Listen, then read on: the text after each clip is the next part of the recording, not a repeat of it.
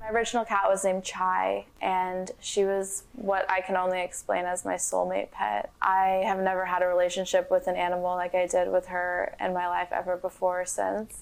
Ikatan emosional pelatih hewan Kelly Anderson dengan kucingnya begitu kuat, sehingga ia memutuskan untuk mengkloningnya. I struggled with depression when I had her. She saved my life more times than I can count. So it was very rough when she passed. Kelly pergi ke Viagen Pets and Equine, sebuah perusahaan cloning kucing, anjing, dan kuda yang berbasis di Amerika Serikat. Upon receiving the sample, we'll do a cell culture. We use a portion of the cells we've preserved to create cloned embryos, and then those are transferred to surrogate moms, and then from there it's a normal pregnancy period. Butuh waktu 4 tahun untuk mengkloning kucingnya. Kelly mengatakan meskipun lama, menunggu kucing itu datang, ibarat setitik cahaya di dalam kegelapan.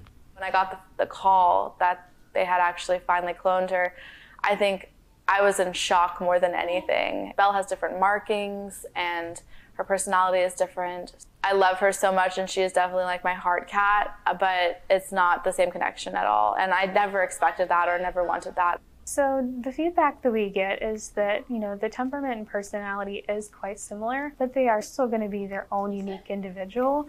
Cloning tidaklah murah. 6 tahun yang lalu, Kelly membayar 25 ribu dolar atau 390-an juta rupiah. I definitely took out a loan because I don't have that kind of money laying around. I'm just a broke dog trainer. I'm not Paris Hilton. Selebritas Paris Hilton menggunakan Viagen untuk mengkloning anjingnya dan menghasilkan dua anak anjing baru. Musisi Barbara Streisand juga mendapatkan dua anjing hasil cloning dari kutong de Tulie kesayangannya. Kelly, yang memiliki akun Instagram untuk Belle bernama Clone Kitty, mengatakan meskipun ia dapat banyak cacian di media sosial, ia tidak menyesal.